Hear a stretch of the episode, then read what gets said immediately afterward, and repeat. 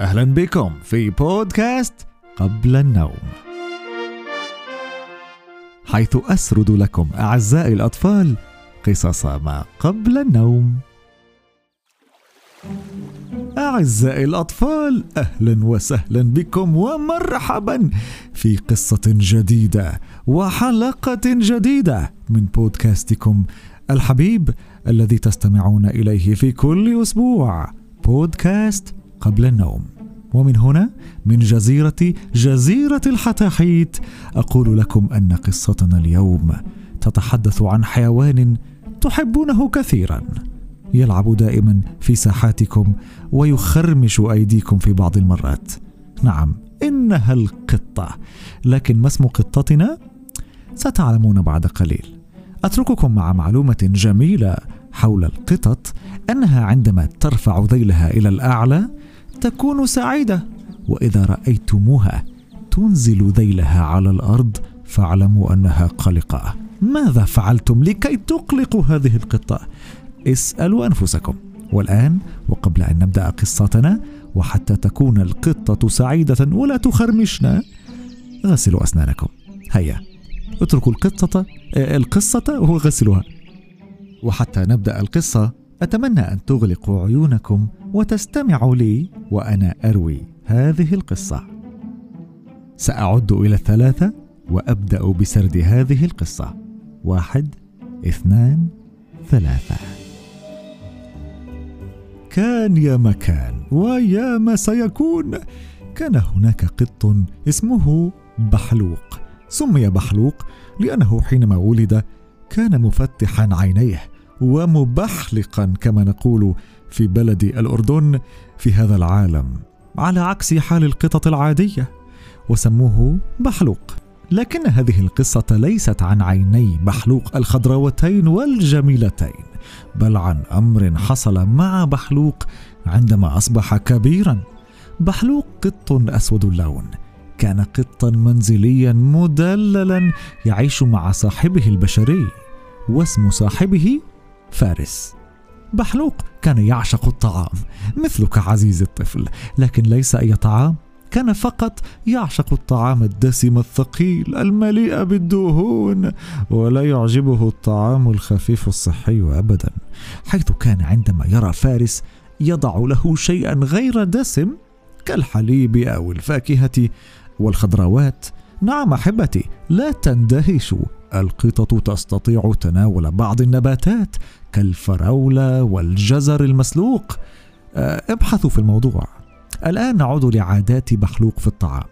كان لا يحب أي شيء إلا إذا كان دسما جدا مشبعا بالدهون كالدجاج المقلي أو كعكة الكريمة بالجبن. أو كما تطلقون عليها التشيز كيك. كان عندما يرى فارس يقدم الجزر المسلوق له يشتمه أولا ثم ينظر إلى فارس ويقول ما هذا الهراء؟ لن آكل هذا فإنه لا يعجبني. ويذهب بحلوق بعيدا عن طبق طعامه. طبعا بالنسبة لفارس كان يسمع شيئا عجيبا باللغة القططية لكنه كان يعلم أن بحلوق يتذمر. كان فارس يترك الطبق لساعات متاملا أن يأكل بحلوق هذا الطعام الصحي ولكن بلا جدوى. ما بال هذا القط؟ لا يأكل إلا الطعام الدسم الثقيل. إذا بقي على هذا الحال صحته ستتدهور.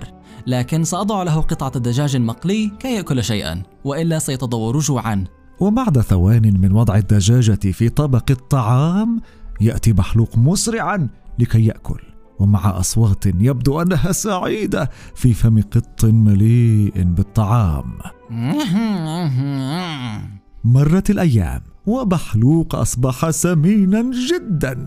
أصبح أشبه بكرة مستديرة بأربعة أرجل. ما زال القط الجميل الأسود والوسيم لكن مع وزن زائد كان عندما يريد الخروج من المنزل إلى الحديقة عبر بابه الصغير المخصص للقطط يحبس أنفاسه ويقول استعنا على الشقاء بالله يدفع نفسه بكل قوة رويدا رويدا. دفعة أخرى. هيا يا بحلوق أنت تستطيع. يخرج بحلوق من الباب بعد معاناة. كان فارس يرى دائما هذا المشهد الدرامي من بعيد ويقول في نفسه. مسكين بحلوق أصبح كالكرة المنفوخة. القطط الأخرى تستطيع الخروج من هذا الباب بكل بساطة. ذهب بحلوق ليتنزه في الحديقة لكي يذهب إلى مكانه المفضل تحت الشجرة كي يأخذ قيلولته هناك. ولكن في طريقه إلى الشجرة اشتم رائحة وقال مم. ما هذه الرائحة الجميلة؟ مم.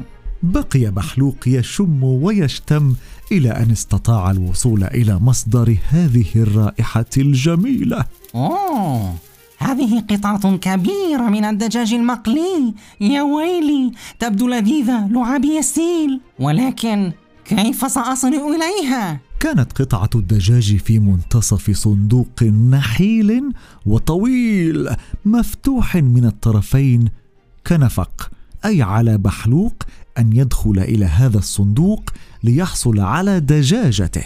ولكن كما تعلمون أعزائي الأطفال بحلوق سمين جدا ولا يستطيع الدخول إلى هذا الصندوق النحيل. لكن الرائحة كانت قوية جدا وبحلوق لم يستطع المقاومة. آه، سأصل إليك يا دجاجتي مهما كانت الصعوبات. فدفع بنفسه إلى الصندوق النحيل بكامل قوته. نجح بإدخال رأسه ولكن باقي جسمه بقي عالقا في الخارج. فظل يدفع ويدفع بنفسه إلى أن نجح في إدخال نصف جسده إلى الصندوق ولكن لا لقد علقت. لا أستطيع الحركة بتاتا نيو. ونادى ونادى ونادى بحلوق العالق المسكين حتى سمعته قطة أخرى فأتت مسرعة لنجدته أدخلت نفسها بكل بساطة ورشاقة من طرف الصندوق الآخر وقالت ما بك؟ لماذا تناديك المصروع؟ فأجابها أنا عالق هنا ولا أستطيع الخروج من هذا الصندوق الضيق كنت فقط أريد هذه القطعة من الدجاج. أرجوك ساعديني بالخروج من هنا. قالت القطة. حسنا سأساعدك لكن بطريقتي. أخذت القطة قطعة الدجاج وخرجت بكل بساطة من الصندوق. كان بحلوق مصدوما برشاقة هذه القطة وتحسر على حاله ولكنه لم يعجبه أن تلك القطة قالت أنها ستساعده ولكنها سرقت قطعة الدجاج وذهبت تذكر بحلوق أنه ما زال عالقا فاستمر بالصراخ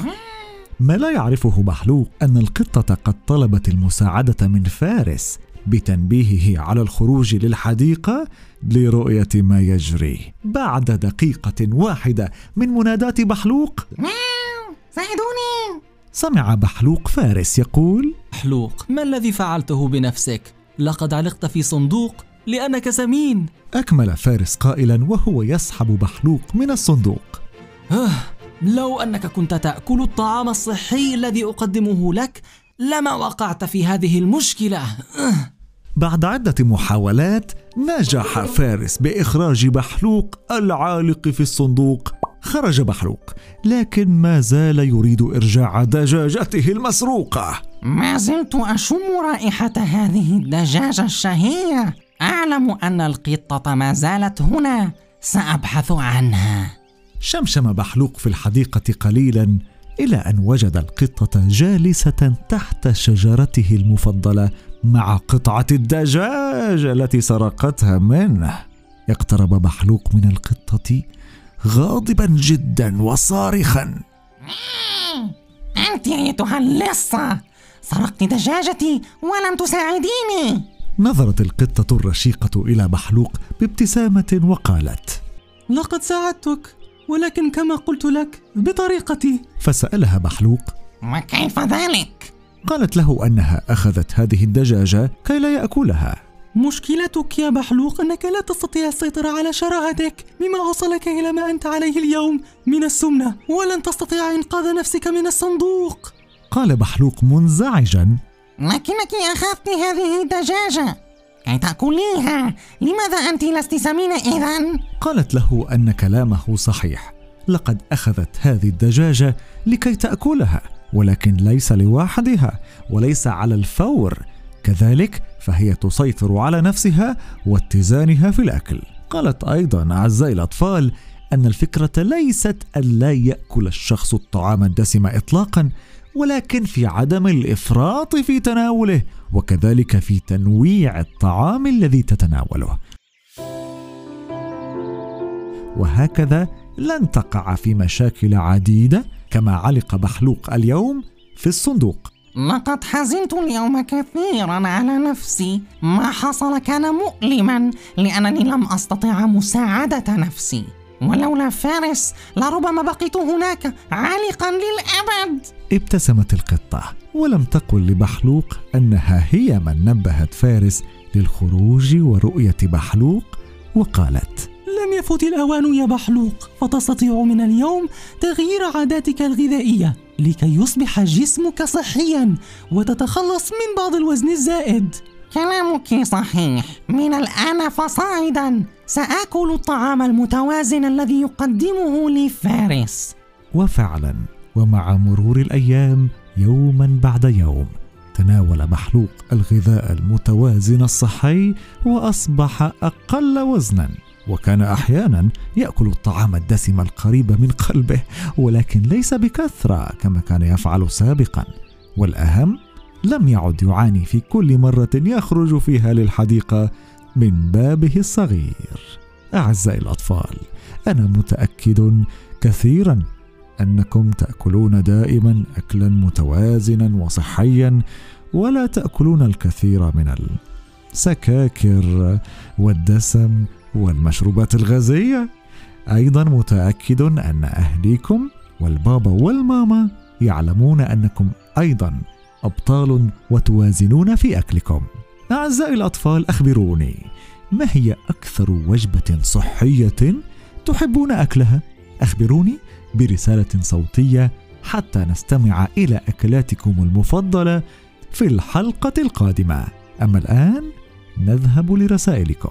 هذه القصة من كتابة فارس بيضون مشكورا لبودكاست قبل النوم. قبل أن أنهي الحلقة أريد أن أشكر من يدعمنا على موقع باتريون في نهاية كل حلقة. شكرا لعبد العزيز يونس. شكرا لآية حمدان. شكرا لتسنيم الصالحي وماما لينا. شكرا لمحمد عرفة. وشكرا لفارس بيضون. لياسمين المعالي. لمرام الخليل. لمحمد العفيفي. شكرا لكم على دعمكم. تستطيعون دعم هذا البودكاست عن طريق الرابط الباتريون الموجود أسفل الحلقة. صفحات بودكاست قبل النوم على ال social media موجودة في اليوتيوب حيث نرفع كل القصص هناك على صفحتنا وقناتنا بودكاست قبل النوم وأيضا على الإنستغرام حيث ننشر محتوى للأطفال وندعم حسابات محتوى الأطفال في كل مكان. أعزائي الأطفال تستطيعون إرسال رسائلكم الصوتية التي تستمعون إليها هنا في بودكاست في نهاية كل حلقة عن طريق تسجيل رسالة صوتية على صفحة البودكاست في تطبيق أنكور الموجود في وصف هذه الحلقة. أما الآن فننهي حلقتنا بأغنية النوم ثم تستمعون إلى رسائلكم. كانت هذه قصة ما قبل النوم لهذا اليوم احلاما سعيدة.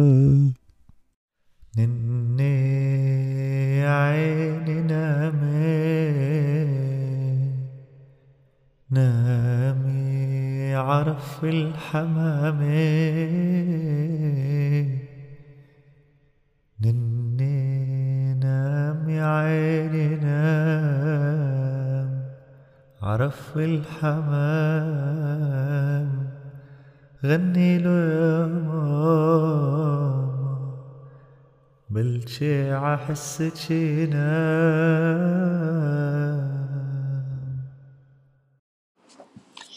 أهلا عم عبد الرحمن. أنا اسمي هاشم. بوعدك أن لا ألد حدا مثل بقصة الحمار والكلب. أحلام سعيدة مرحبا عمو عبد الرحمن. أنا العلام من سلطنة عمان. وأنا أحب البودكاست كثيرا. ولقاء عبد الرحمن. أهلا يا عم عبد الرحمن ببودكاست. قبل النوم كثير حلو قصصك. كتير كتير بحب قصتك كتير. أكتر قصة حبيتها هي سارة والسنجاب كتير حلوة. مع السلامة يقول ما مرحبا أنا اسمي آدم. بدي قصة قصة الديناصور وقصة البركان إذا سمحت شكل شكل رأي القصة حلوة أعمل لي قصة للصاروخ كتير حلوة. كتير حلو الصاروخ. كيف طار على الفضاء. فعمل لي إياها كيف راح صاروخ قصة صاروخ فكتير حلوة قصة الصاروخ. فأحكي باي مع السلامة. عبد الرحمن. يا عم البودكاست بدلك هيك قصص عشان أسمعهم. أنا أنا عمري خمسة سنوات. عم عبد الرحمن كيف حالك؟ أنا اسمي زينة عمري أربع سنوات. أنا بعثت لك صوتي ليش ما نزلت لي إياه؟ مرحبا عمو أنا صبا الجراح عمري سبع سنوات وكل يوم أتفرج على بودكاست قبل النوم. حلوين كتير. يا عبد الرحمن أنا أسمع فرح. أنا عمري أربع سنوات. أنا صرت كبيرة يا ريت تقرأ قصة سندريلا الجديدة النائمة الجديدة. مرحبا عم عبد الرحمن. أنا اسمي نايا. أنا من فلسطين وأنا عايشة بالسعودية. وكل يوم خميس بسمع قصصك. كتير بنبسط عليها. ليش هذا الأسبوع ما نزلت؟ إياك تقرأ لنا قصة عن الأميرة و unicorn أهلا عم عبد الرحمن كيفك؟ أنا اسمي ندى وحلوة قصصك أب أنت وأخوي عمران اللي هون نايم معي وأنت الدنيا عندك صبح bye. كانت هذه قصة ما قبل النوم. لهذا اليوم أحلاما سعيدة.